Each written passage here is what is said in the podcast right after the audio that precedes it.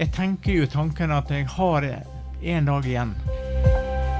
Hvis det er slik at du tror at det er positivt å leve, så må du ha noen tanker på ja, hva gjør du siste dagen? Hver dag kan det godt hende at Bjarne Huseklepp har bare denne dagen igjen å leve. For han har uhelbredelig kreft, all behandling er oppgitt. Nå handler det bare om smertelindring. I denne podkasten følger vi Bjarne Huseklepp og hans kamp for dager å glede seg over. For det får han til. Bjarne Huseklepp er 70 år. For seks år siden fikk han beskjed om at han hadde prostatakreft som hadde spredd seg til nesten hele skjelettet, og legene ga han mellom et halvt og tre år igjen å leve. Men Bjarne lever han, og han lever et godt liv, selv om legene har gitt opp all behandling. Nå handler det bare om smertelindring. I dag er vi hjemme hos Bjarne, på gården i Guddalen i Fjaler. Og aller først, Bjarne, eh, nå er det noen dager siden vi møttes sist. Hvordan er helsa? Den er utrolig bra nå. Jeg eh, fikk jo blodoverføring i forrige uke, og etter det så må det ha skjedd et eller annet positivt i kroppen. Fordi at jeg har ingen smerte, og jeg, det virker nesten så jeg er helt frisk. Problemet mitt er at jeg er trøtt. Og det har med at jeg har hatt kreft så lenge. Og det sliter på kroppen. Men uh, ellers er kroppen helt fantastisk nå. Disse blodoverføringene, hvor uh, ofte, hvorfor er nå det første? Hvorfor får du de? Ja, jeg, har, jeg får de rett og slett uh, fordi at jeg mangler blod. Jeg har hatt en del behandlinger som har påvirka beinmargen min og produksjonen av blod. Og det, det, gjør det at jeg er nødt til å få fylt på blod. Eh, og det har eh, variert lite grann da, fra seks uker mellom hver gang til fire uker. Og nå har jeg hatt eh, to overføringer med ca. 14 dager. Akkurat. Så ja. det blir oftere og oftere? Ja, det, det, er det. Men eh, det er så eh, utrolig bra det er at på den siste blodprøven så ser jeg det at kroppen min faktisk begynner å produsere hvite blodplater igjen.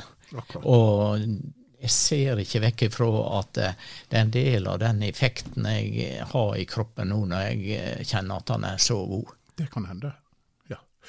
Du sier jo sjøl at du lever med en dødsdom.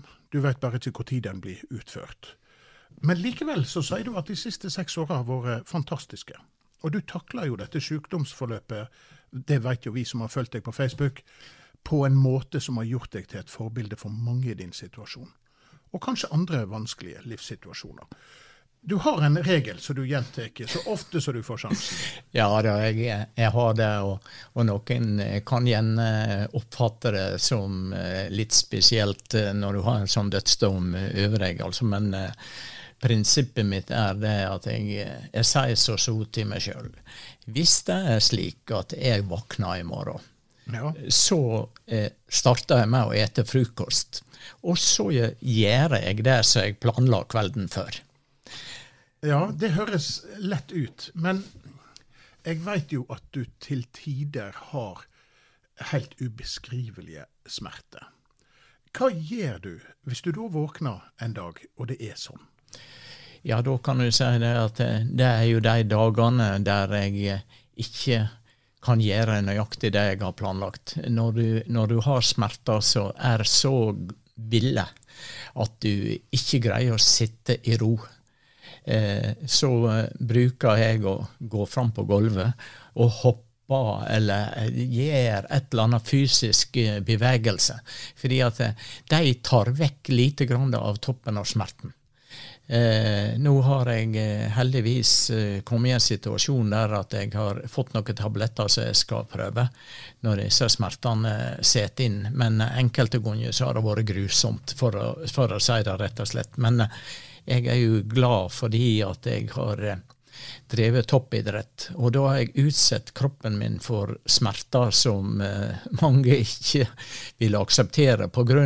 at du enten springer over evne, eller du trener enkelte muskelgrupper knallhardt, og så får du da en reaksjon dagen etterpå, så gjør det at eh, det er ganske smertefullt. Men de smertene som jeg har i forbindelse med krefter, og særlig når du har kreft i skjelettet, de går ikke an å beskrive. Det, er så heftig at ja. Nei, jeg håper, håper bare at færrest mulig kommer borti dem, fordi at de, de, er ikke til å holde ut, rett og slett, hvis ikke du greier å ta dem ned igjen. Men der var du inne på noe som jeg har tenkt på noen ganger. Du har jo ei strålende friidrettskarriere bak deg.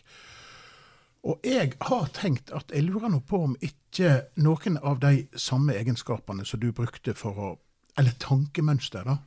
Som du brukte for å vinne tunge løp og, og greie en runde til selv om du holder på å daue. Og sette inn et rykk når du er så sliten at du holder på å begynne å grine. At at de egenskapene de tror jeg nå hjelper deg gjennom de uh, tyngste dagene. Det er jeg altså helt enig i. Ja. Eh, og eh, eh, det, som, jeg har som eh, fokus, det er det at det du mener er viktig, det, det, er det du skal ha fokus på. Alt annet er sand i maskineriet. Det vil si det at når du har tre-fire kilometer igjen av et løp, og du har harde konkurrenter ved siden av deg, så er fokuset det at dette her skal jeg klare. Ja. Og det er akkurat det samme tankegangen har jeg når smertene er der. At dette her skal jeg komme meg igjennom. For. Hvis det var slik at jeg tenkte den tanken at dette her, det tåler ikke jeg, da, da må jeg rett og slett si at ja, hvorfor skal du da leve? Ja, akkurat.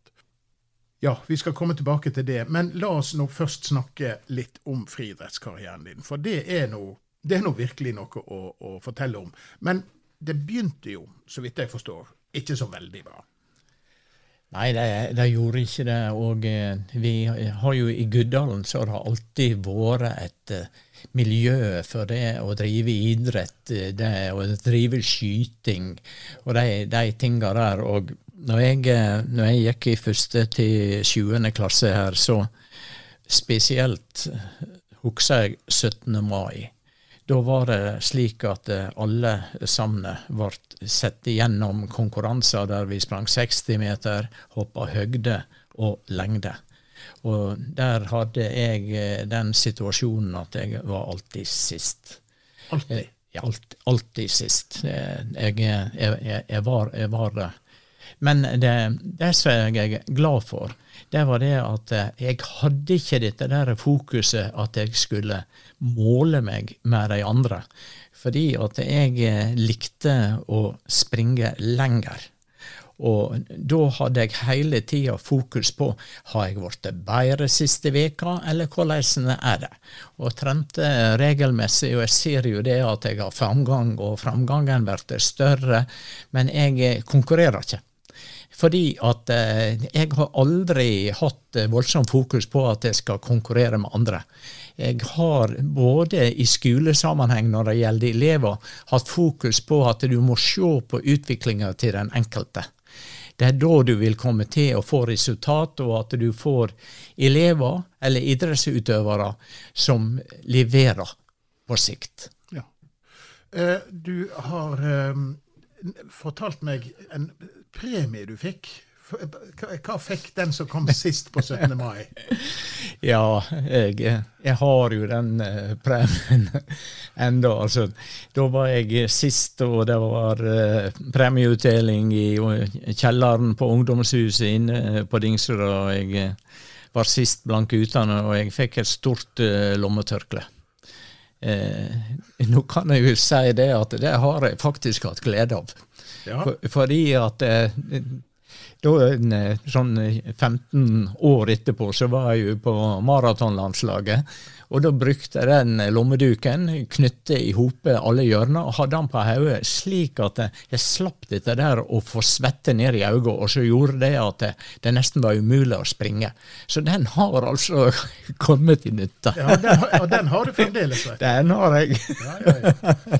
Men eh, nå, etter å ha kommet sist, da, år etter år etter år, eh, hva Da hadde jeg iallfall ikke gidda å fortsette med friidrett. Men det gjorde du. Hvorfor det? Det var jo fordi at eh, jeg eh, drev eh, med friidrett, men det var litt mer krevende og det var litt lenger å springe enn det vi drev på med. Og, og, så er det jo slik at vi er jo fødde med ulik muskulatur. Noen er jo fødde med muskulatur som gjør det at du er utrolig god i spenst. Du kan hoppe høyt, du kan hoppe langt, du kan springe 100 meter eller 60 meter fort. Og jeg eh, har noen muskulatur som er skapt for å tåle temmelig tøffe belastninger over tid. Altså et, en seig muskulatur, ja, rett og slett? Det, det, det har jeg, og det, det, kan jeg jo bevise på resultater jeg har oppnådd. Ja. Eh, drev, jeg vet du drev og sprang frem og tilbake, her bort til krysset og tilbake igjen. Eh, men når var første gang du var med på en eh, konkurranse? Ja, Det var, eh, det var, måtte være i 71.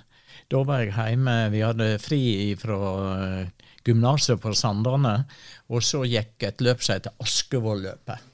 Og jeg hadde jo ingen planer om å være med på Askevolløpet, for jeg var helt uinteressert i, i konkurranser.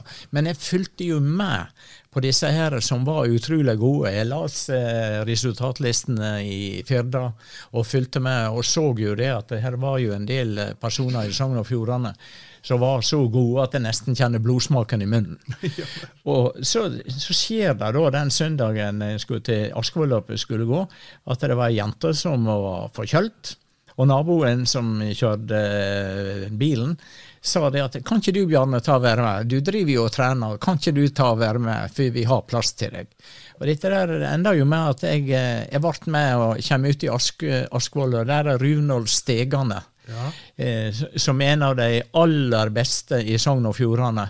Han var en av eh, konkurrentene mine, og jeg, eh, tenkte så dette kommer aldri til å gå vel.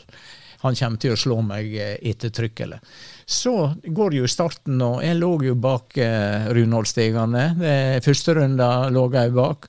Og så er det vel en 400-500 meter igjen på andre runda. Og der står naboen som kjører bilen og, og sier det. 'Bjarne, du skal ikke ta rykke nå, da.' Og vet du hva? Jeg gjorde det. Ja. Og jeg vant Askevoll-løpet ja. eh, med Jeg tror det var rundt, rundt et halvt minutt. Og fra der så tok dette helt av, fordi at eh, folk ringte til meg ja, nå må du være med på KM i terrengløp og, og alle disse tingene der. Og vi hadde jo utrolig gode løpere. Stegane hadde vi. Vi hadde Thomas Høgsbø.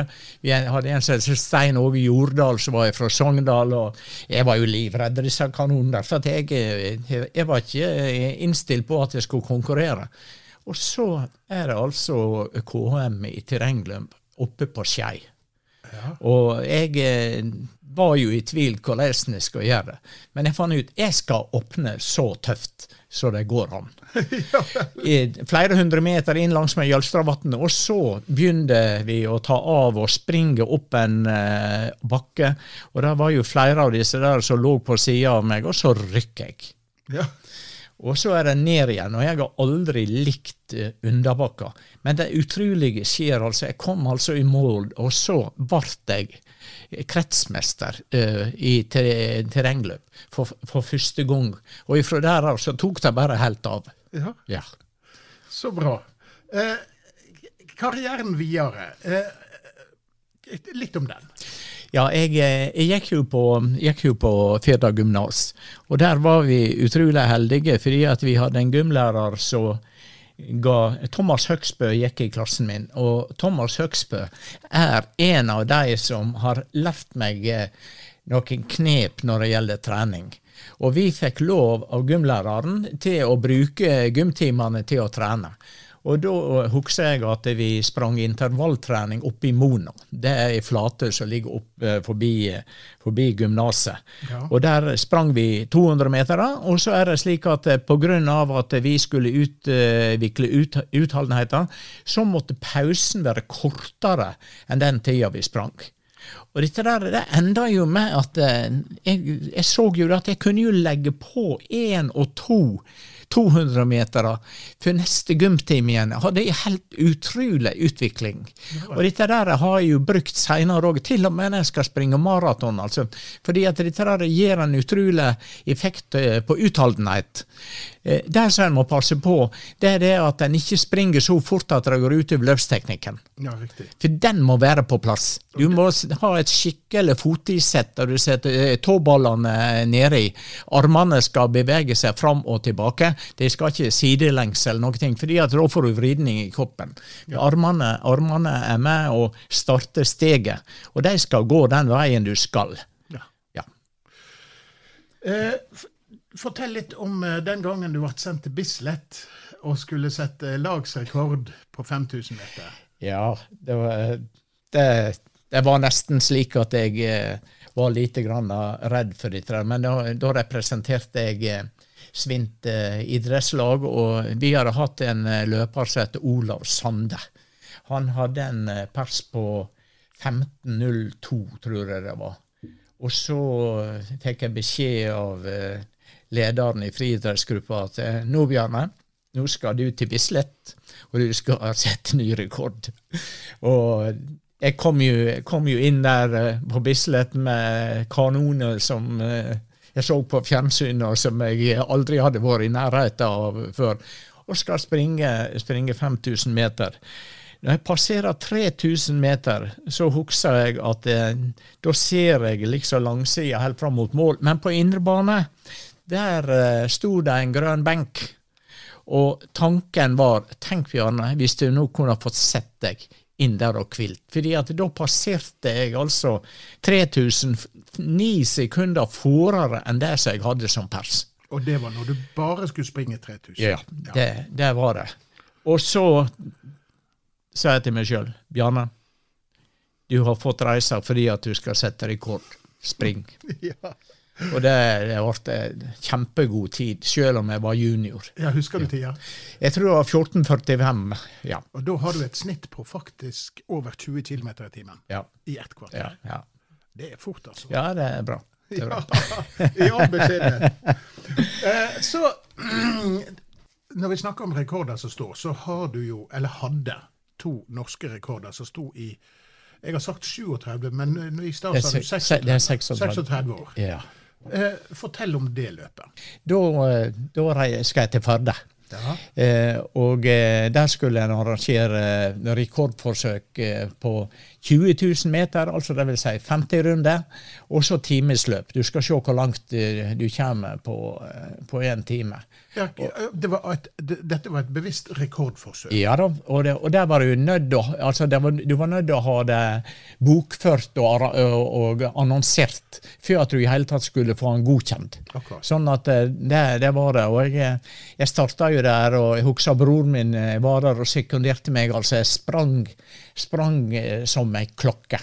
Det, altså, det var helt jevne eh, ru- Men vi sprang på gummiasfalt, og det, det, var, det, det gjorde jo det at f.eks. når du kommer ut av svingen, og du ser opp til mål, så var gummiasfalten vekke, og det lå hard asfalt under. Og jeg var nødt til å sjonglere litt med stega der.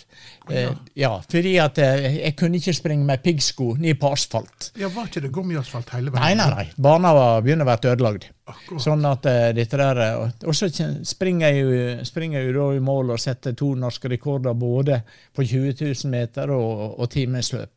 Og de sto jo da i 36 år. Ja, ikke verst. Det var utrolig kjekt. Var det vondt? Nei, altså, jeg, eh, jeg var i ei utrolig form Ja. eh, da. Det som jeg, det som jeg sakna, det var jo at eh, jeg skulle hatt ei bane, f.eks. Bislett, med tartan under med skikkelig dekke.